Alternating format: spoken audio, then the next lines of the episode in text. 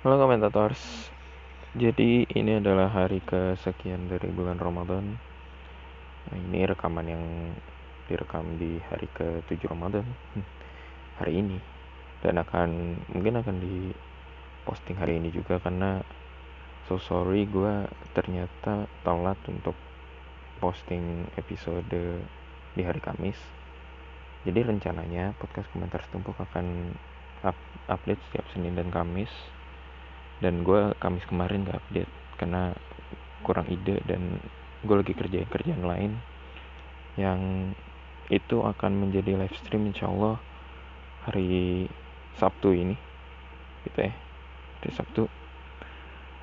Dan ya gue bakal acak awur lagi ya. Acak awur itu adalah self talk macam self talk gue kurang menjelaskan mungkin di uh, podcast yang bagian pengenalan episode 0 dan announcement. Jadi Acak Kaur itu adalah self talk gue terus hidup seperti itu ketika itu sesi gue ngobrol sama orang. Yang memang orang itu menceritakan tentang hidupnya tentang kisah-kisahnya atau mungkin pengalaman-pengalamannya I don't know. Yang jelas dia cerita tentang dirinya. Kalau misalkan dia cerita diskusi tentang yang lain mungkin akan dibukakan sesi yang lain gitu. tapi untuk saat ini gue hanya punya tiga sesi dan hanya baru dua yang keisi. Gue bakal bahas tentang zuhud ini masih versi Ramadan jadi ternyata gue masih melihat banyak orang yang miskonsepsi dengan arti zuhud. Zuhud dan warok jadi ini sumbernya dari konsultasi syariah.com nanti gue akan berikan linknya di description box.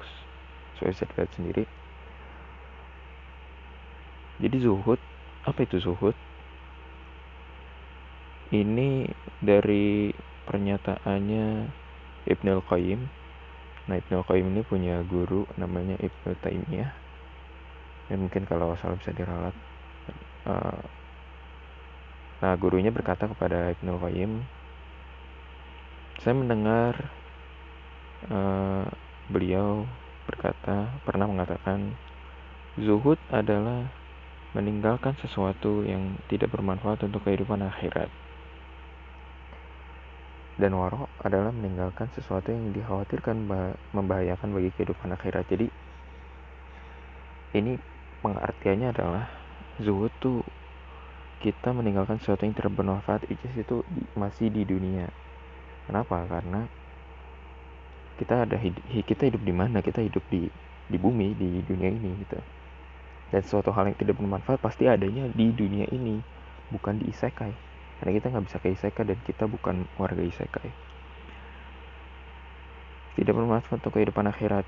Contohnya mungkin tidur di waktu subuh kayak sekarang. Tapi untungnya gue buat podcast jadi gue nggak tidur di waktu subuh. Karena itu menghambat menghambat kehidupan kita di akhirat. Jadi kita kan ingin uh, kedamaian.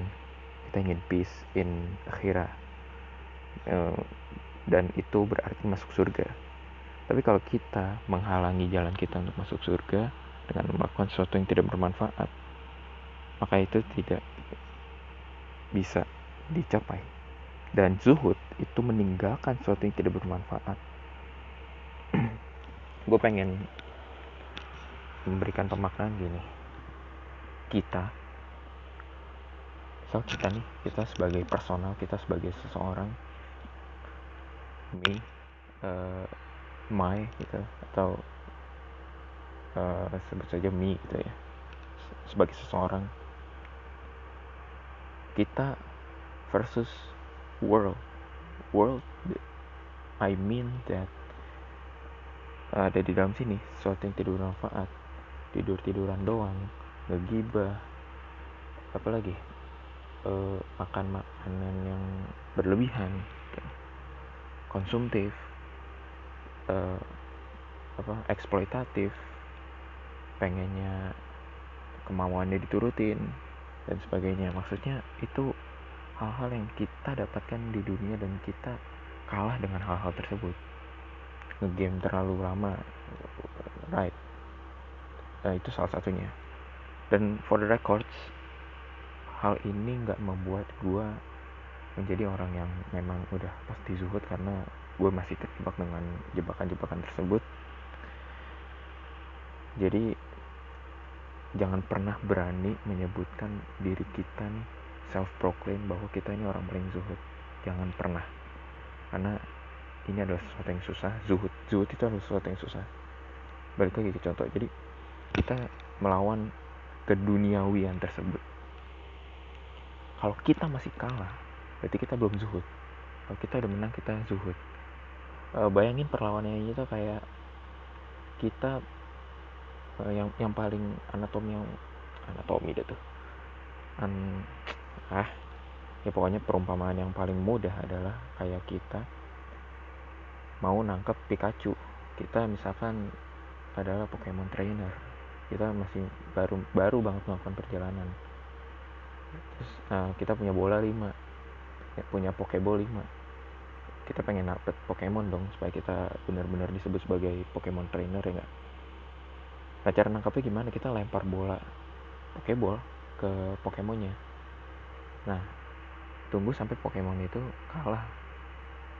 Kalau dia kalah kalau dia nggak kuat lagi ngeberontak dia pasti bakal ada di bola itu. Tapi kalau dia kuat memberontak dan dia keluar dia out gitu. Ya udah berarti kita yang kalah. Nah kita baru bisa zuhud ya baru bisa zuhud itu ketika kita dapat itu Pokemon. Setelah kita dapat Pokemon itu pasti nurut dong dengan kita ya nggak? Ketika kita keluarin lagi nih Pokemon Pokemon ini pasti udah nurut dengan kita ya. Dia nggak berani ngelawan gitu ya nggak berani ngeberontak ya kan? Kita bakal manjain juga dan segala macam. Intinya intinya poinnya yang pengen gue sampaikan Pokemonnya bakal nurut dengan kita. Dan itu cara kerjanya. Jadi keduniawian itu kalah dengan kita. Duniawi itu nggak bisa memaksa kita untuk turut dengan keduniawian. Dunia itu nggak bisa memaksa kita untuk tidak melakukan uh, kebaikan tidur di waktu subuh dia dia nggak bisa maksa kita karena kita udah kuat. Kita udah bisa melawan hal-hal tersebut. Baru kita bisa disebut sebagai zuhud. Kita punya harta banyak kita punya harta semiliar kita berani menyumbangkan semiliar itu untuk warga Palestina semua muanya atau mungkin disisain dikit lah disisain juta lah buat hidup. Kalau kita punya keluarga kalau nggak punya keluarga dan ya makan lu dan lu bisa makan mie dalam sehari ya udah sumbangin aja tuh. Semiliar mungkin kurang dikit. Ambil cepet gitu. Itu buat hidup buat makan mie goreng sampai seminggu. Supaya nggak lapar. Supaya kita bisa nyari duit lagi dapat semiliar lagi kita sumbangin lagi. Itu kan lebih baik. Jadi itu maknanya zuhud. Nah sedangkan waro waro itu meninggalkan ini masih perkataannya Ibnu Taimiyah gitu ya Ibnu Qayyim selaku muridnya. Sorry.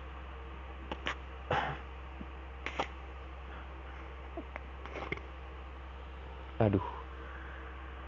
Kalau gue bisa ngekat bagian gue tahap gue cut dah. Ini gue gak bisa cut. Jadi maaf ya kalau ada yang ngedengerin gue tahap. Balik lagi. Waro itu artinya meninggalkan sesuatu yang dikhawatirkan baikkan bagi kehidupan akhirat. Cicis itu hampir sama seperti zuhud tapi mungkin lebih ke arah dosa kali ya. Jadi kan kalau ini tidak bermanfaat ya tidur di waktu subuh sebenarnya tidak dapat dosa dan tidak dapat pahala tapi nggak bermanfaat. Tapi waro kita berzina dengan yang lawan jenis tanpa ikatan yang sah. That's bakal dapat dosa. Itu bakal meninggalkan dosa dan dosa itu menghalangi kita untuk menuju surga. Ya kan mungkin mungkin sesuatu yang seperti itu I don't know. Jadi kalau mau ralat silakan. Kalau mau apa uh, memperbaiki apa yang saya pahami tolong bisa DM saya via IG atau WhatsApp saya bagi yang tahu nomornya. Dan Ibnu Qayyim juga menegaskan bahwa perkataan gurunya Ibnu Taimiyah ini merupakan definisi terbaik yang paling mewakili kata zuhud dan waro itu ada di kitab uh, Dorich As-Salikin dan zuhud di dalam Al-Quran itu ada di Quran surat Al-Hadid ayat 23 nih jadi siapa yang uh, baca Quran dan udah nyampe surat Al-Hadid ini hari ketujuh. Kalau dia nyampe sana berarti kemungkinan besar kalian yang sudah sampai sana khatamnya bisa lebih dari satu kali jadi di sini dijelaskan dalam artinya kami jelaskan yang demikian itu arti dari Quran surat Al-Hadid ayat 23 kami jelaskan yang demikian itu supaya kamu jangan bersedih terhadap apa yang tidak kamu dapatkan. Jadi ini firman Allah SWT bahwa Allah menegaskan pada hambanya kita jangan bersedih dengan apa yang tidak kita dapatkan. Misal, uh, gua adalah orang terkaya di dunia ini, ngalahin Bill Gates, ngalahin Rockefeller yang katanya dia punya apa punya dunia ini memegang dunia ini dia adalah elit global segala macam. Yang berusaha menipu-nipu kita. Gue ngalahin mereka semua gue punya banyak duit rumah gue kayak istana rumah gue ada di pulau seribu salah satunya ada di pulau pramuka pulau pramuka tuh semuanya tanah gue gue udah beli pemerintah misalkan gitu. Itu, itu istana semua. Itu gue orang terkaya gak ada yang bisa ngalahin gue salah duit ya kan? Suatu hari ada saintis ini saintis menemukan ada uh, binatang yang eh binatang jenis baru spesies jenis baru. Dia penampilannya itu kuda dia disebut sebagai kuda poni. Eh, dia disebut sebagai kuda poni. Warnanya biru metalik. Dan cuma ada satu di dunia ini. Itu hasil persilangan dari hewan A dengan B lah. Kuda A dengan kuda B. Gue nggak mau ngarang lagi. Ya. Nah hewan ini lahir e, besar gitu ya. Dan gue pengen mendapatkan ini. Gue pengen mendapatkan hewan ini. Tapi saintis. Ternyata saintis yang e, menemukannya yang menjadi autornya dia punya cara lain. Jadi hewan ini akan diberikan kepada orang yang paling e, sial di dunia ini.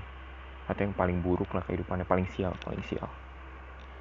Nah suatu hari ada sain, sekelompok saintis lainnya beda dengan sekelompok saintis yang menemukan kuda poni biru metalik ini.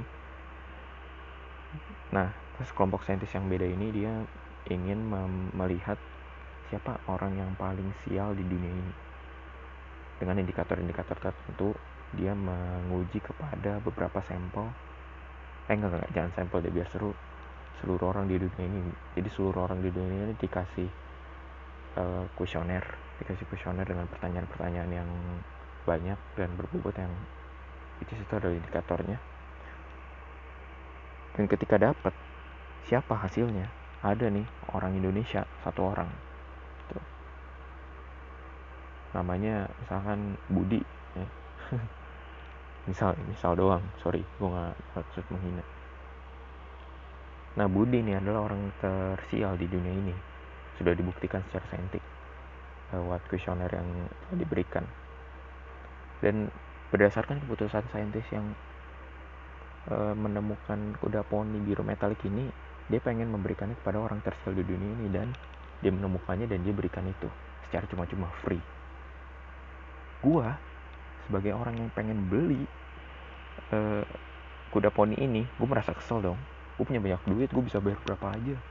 Lu nggak uh, lu bisa sebutkan berapa nominalnya gue bakal kasih.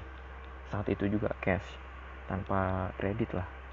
Nggak nggak gue nggak langsung per bulan tuh. Gue langsung kasih gue bakal kasih tapi kenapa lu berikan ini kepada orang miskin? Gue pasti kesel dong ya ya pokoknya ada kegalauan-kegalauan dalam diri gue nah itu yang disebut sebagai kita uh, jangan bersedih terhadap apa yang tidak kita dapatkan. Kalau kita masih bersedih nah balik lagi kalau kita gue ini pada saat itu gue masih bersedih gitu berkelarutan atau pada saat di awal gue gue sedih lah gitu. Gue nggak berusaha mengikhlaskannya berarti gue gagal sebagai orang zuhud sih gue ingin membuktikan bahwa zuhud ini ternyata tidak bisa tidak uh, bukan cuma dimiliki oleh oleh orang-orang kaya. Orang-orang kaya memang ada yang zuhud tapi tidak semua orang kaya bisa zuhud. Orang miskin juga ada yang zuhud tapi tidak semua orang miskin bisa zuhud.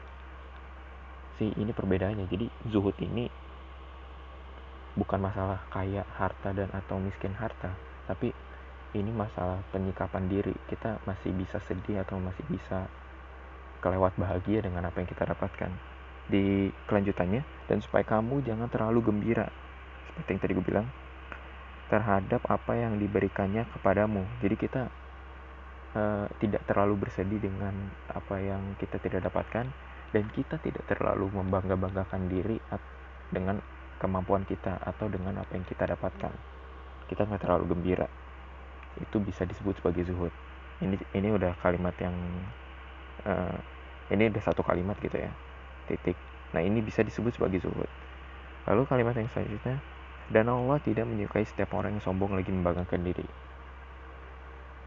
Jadi dengan dengan perkataan demikian ya dengan dengan firman Allah yang di awal maka Allah menegaskan bahwa orang zuhud tuh seperti tadi tidak terlalu bersedih ketika tidak mendapatkan sesuatu dan tidak terlalu bahagia ketika kita mendapatkan eh, sorry sorry gue ralat tidak terlalu bersedih ketika kita tidak mendapatkan sesuatu yang kita inginkan dan tidak terlalu bahagia ketika kita mendapatkan sesuatu yang kita inginkan. Jadi biasa aja. Nafsu duniawi kalah dengan kita. Kita berhasil menahan diri kita berhasil untuk uh, mengontrol diri kita sendiri mengontrol emosi. Jadi ini insya Allah bisa disebut disebut sebagai zuhud. Bukan berarti tidak ada emosi. Emosi tetap ada. Uh, emosi emosi sedih dan senang tetap ada tapi tidak terlalu melebih-lebihkan. Uh, dan penempatannya benar. Jadi gue ingin kasih contoh begini misal A sama B. Uh, A A sama B ini lagi saingan saingannya uh, challenge-nya adalah siapa yang di bulan Ramadan ini gue akan pakai bulan Ramadan sebagai contoh siapa uh, di antara mereka yang paling banyak bisa menghafal arti dari ayat uh, eh, dari surat Al-Baqarah. Jadi surat Al-Baqarah ada 286 jumlah ayatnya dan siapa yang berhasil banyak-banyakan yang hafal artinya, hafal arti Indonesianya ya. Ya, anggap A dan B ini adalah orang Indonesia. Maka dia yang menang. Dengan catatan, dalam tanda kutip dengan catatan yang tahu challenge ini adalah si A dan si B doang. Jadi tidak ada pihak ketiga yang tahu dan Allah Subhanahu wa taala uh, pasti udah tahu. Insya Allah Allah Maha melihat gitu pasti pasti maha melihat pasti tahu nah uh, ya jadi yang tahu challenge-nya mereka berdua aja nggak ada pihak ketiga nggak ada pihak di luar termasuk sahabat baik mereka yang tidak terkait dengan challenge ini. Nah ketika bulan Ramadan berakhir dan mereka berusaha membuktikannya siapa yang menang mereka uh, sebutkan satu-satu tuh dari ayat pertama cuma alif lamim gitu ya nggak ada nggak ada arti lainnya dari alif lamim karena menurut tafsirnya alif lamim itu tidak ada artinya. Cuma seperti itu. Cuma sebagai benar maybe. Dan selanjutnya selanjutnya. Ternyata si B yang menang. Si B yang menang challenge. Si A si A gimana responnya? Si A sebenarnya dia berhak sedih. Kenapa? Ini adalah challenge yang memang bermanfaat buat akhirat. Ya nggak? Dengan kita memahami arti dari surat al-baqarah artinya ya arti Indonesianya. Dengan kita e, mengerti artinya kita bisa memahami maknanya. Dengan kita memahami maknanya kita bisa menjadi orang yang lebih baik. Gitu ujungnya ke sana. Dan itu bermanfaat untuk akhirat. Absolutely. Obviously jangan ada debat. Itu udah udah pasti bermanfaat. No debat. Si A sedih. Dia berhak nangis kejar-kejarnya. Tapi dia nggak berhak sedih di depan orang lain yang tidak tahu challenge tersebut dia berhak sedih di depan si B aja nah itu yang disebut sebagai emosi yang penempatan emosi yang baik gitu lalu di Quran surat Sot ayat 17 Allah berfirman ingatlah hambaku Daud pemilik kekuatan dalam melakukan ketaatan. Sungguhnya beliau awab. Awab itu adalah orang yang suka kembali kepada Allah. Jadi Daud eh, mungkin maksudnya Nabi Daud gitu ya. Oh ya di sini dijelasin. Allah berfirman tentang sifat Nabi Daud. Sorry. Jadi Nabi Daud memilih kekuatan dalam melakukan ketaatan. Jadi eh, kekuatan dalam melakukan ketaatan mungkin semacam beliau Nabi Daud ini uh, ibadahnya lancar gitu ya SAW melulu mungkin kalau di zaman sekarang kalau ditaruh di zaman sekarang SAW jalan sholat awal waktu tilawah jalan. Zaman Nabi Daud belum ada kitab Al-Quran. Tapi kalau kita taruh Nabi Daud di zaman sekarang mungkin percontohannya mungkin bisa disebut demikian ya gitu ya. Jadi kita berusaha mengimajinasikannya. Tilawah jalan terus. Lalu melakukan kebaikan terus. Dia punya harta sedikit didonasiin didonasiin didonasiin didonasiin dan eh, nggak uh, sombong mungkin semacam itu dan dan sifat-sifat lainnya yang gue nggak gue kesulitan untuk menyebutkan contohnya karena Nabi Daud alaihissalam tidak hidup di zaman kita dan kita tidak hidup di zaman Nabi Daud jadi kita tidak bisa memikirkan hal tersebut. Intinya kekuatan dalam melakukan ketaatan. Dan di kalimat selanjutnya sesungguhnya beliau awab orang yang suka kembali kepada Allah. Jadi setelah apa yang dilakukan dia tidak semena-mena untuk meninggalkan doanya dia tidak semena-mena untuk uh, tidak memohon ampun kepada Allah Nabi Daud alaihissalam tidak semena-mena untuk uh, tidak berdoa kepada Allah, tidak memohon ampun kepada Allah. Mungkin maksudnya seperti itu. Sebenarnya ada arti-arti uh, ayat-ayat lain yang relate, but gue akan sampai ke bagian akhirnya aja. Jadi cara agar bisa suhud uh, ada seorang tabiin, ya, ulama senior masa tabiin. Di sini dijelaskan demikian itu Imam Hasan Al Basri beliau pernah ditanya apa rahasia zuhud terhadap dunia? Beliau menjawab aku yakin bahwa rizkiku tidak akan diambil orang lain sehingga hatiku tenang dalam mencarinya. Poinnya yakin.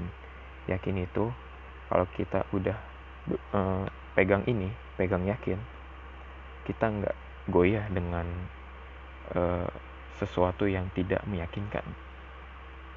Jadi uh, kayak gini kita nggak percaya alien. Tapi di luar konspirasi alien tuh makin lama makin berkembang. Karena kita yakin dengan konspirasi eh karena kita yakin alien itu nggak ada kita nggak bakal goyang dengan konspirasi alien. Contohnya seperti itu. Itu itu hanya contoh gue nggak bilang itu real. Karena gue soal. Dan poin keduanya dari perkataan Imam Hasan al Basri saya yakin bahwa amalku tidak akan diwariskan eh tidak akan diwakilkan kepada orang lain sehingga aku sendiri yang sibuk menjalankannya. Masih masih poinnya masih yakin? Aku yakin bahwa Allah selalu mengawasi diriku hingga aku malu merespon pengawasannya dengan melakukan maksiat. Poin that's a point masih yakin. Terakhir juga poinnya masih yakin. Aku yakin bahwa kematian menantiku semoga eh sehingga aku siapkan bekal untuk ketemu Allah. Right that's how we call zuhud dan waro maybe. Zuhud dan waro. Dan ya mungkin segitu aja. Allah terima kasih udah mendengarkan. Salam uh, zuhudiyah